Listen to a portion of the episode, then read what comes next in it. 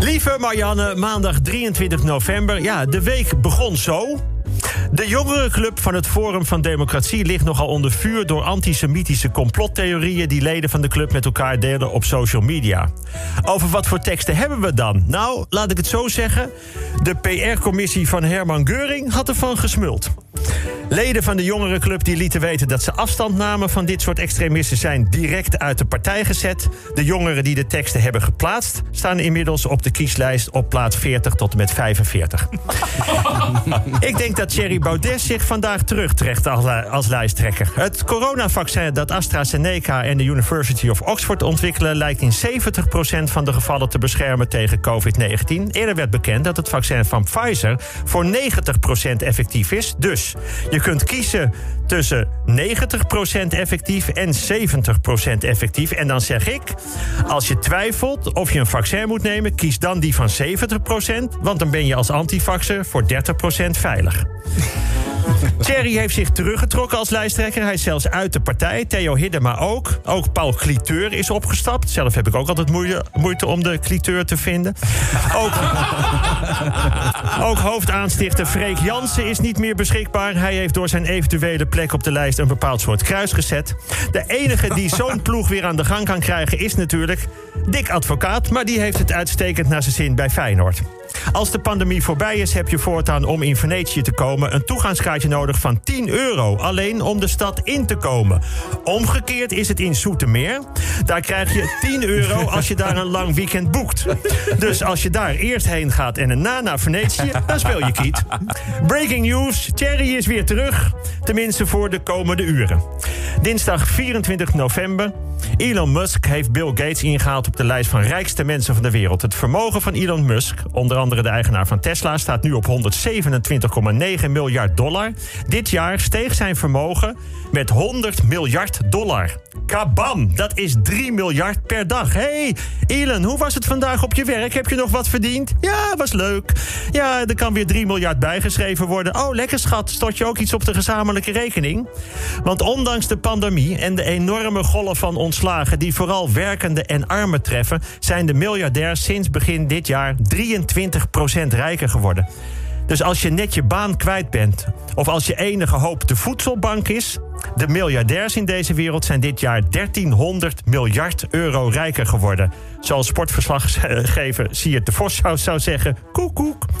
Breaking news: Thierry Baudet is toch opgestapt als lijsttrekker van het Forum. Hij wil uit de spotlights, in ieder geval voor een paar uur.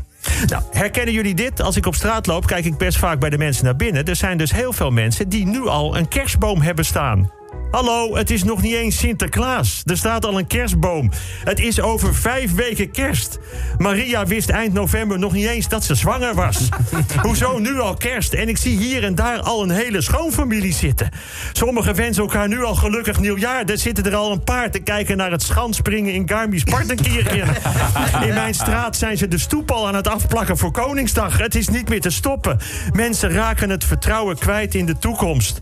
Breaking news: Thierry Baudet is toch weer terug. Hij mist de spotlights. Hij stelt zich beschikbaar als de nieuwe partijleider. Woensdag 25 november. Wij zijn in Nederland gemiddeld de langste mensen ter wereld. Maar wat blijkt?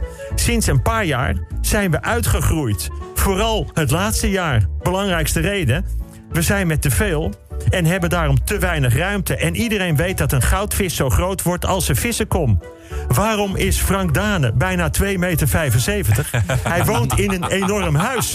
Waarom is Jelmer zo klein dat je met een zuignap aan de voorruit van je auto kan hangen? Hij woont in een paddenstoel. Omdat we tegenwoordig te weinig ruimte krijgen, groeien we niet meer. Het wordt tijd voor versoepeling. Oh, breaking news. Thierry wordt waarschijnlijk toch geen partijleider, want het bestuur heeft hem eruit gezet. De Universiteitsbibliotheek van Cambridge is al 20 jaar twee handgeschreven boekjes van Darwin kwijt.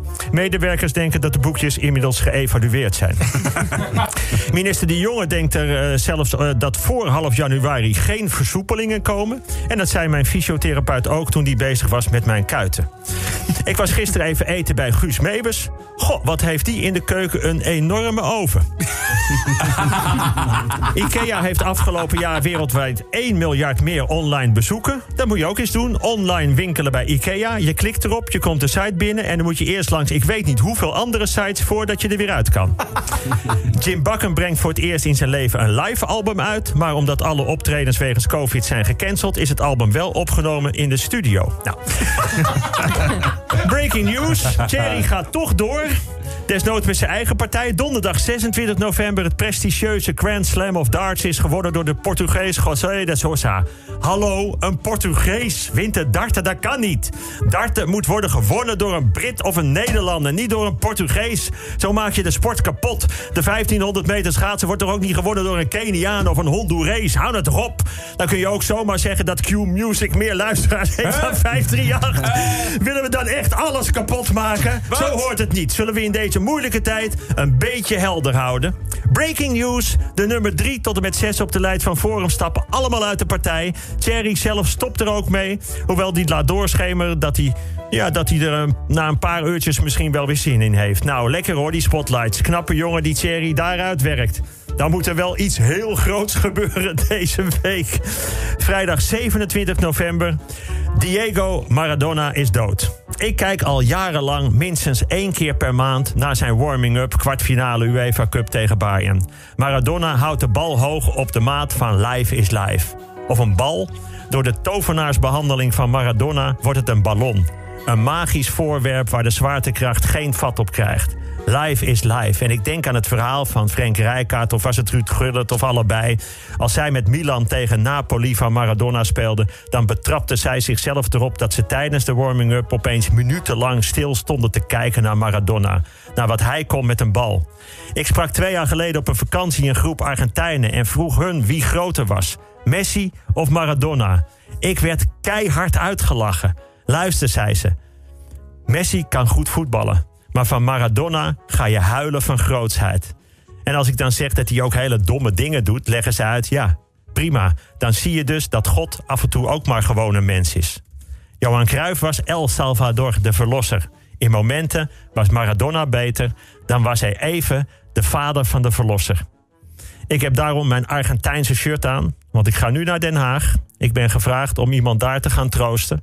Ik kan haar naam niet noemen, kan alleen zeggen dat ze koningin is van Nederland. En nu iemand nodig heeft die haar Argentijnse ziel begrijpt. Tot zo, M.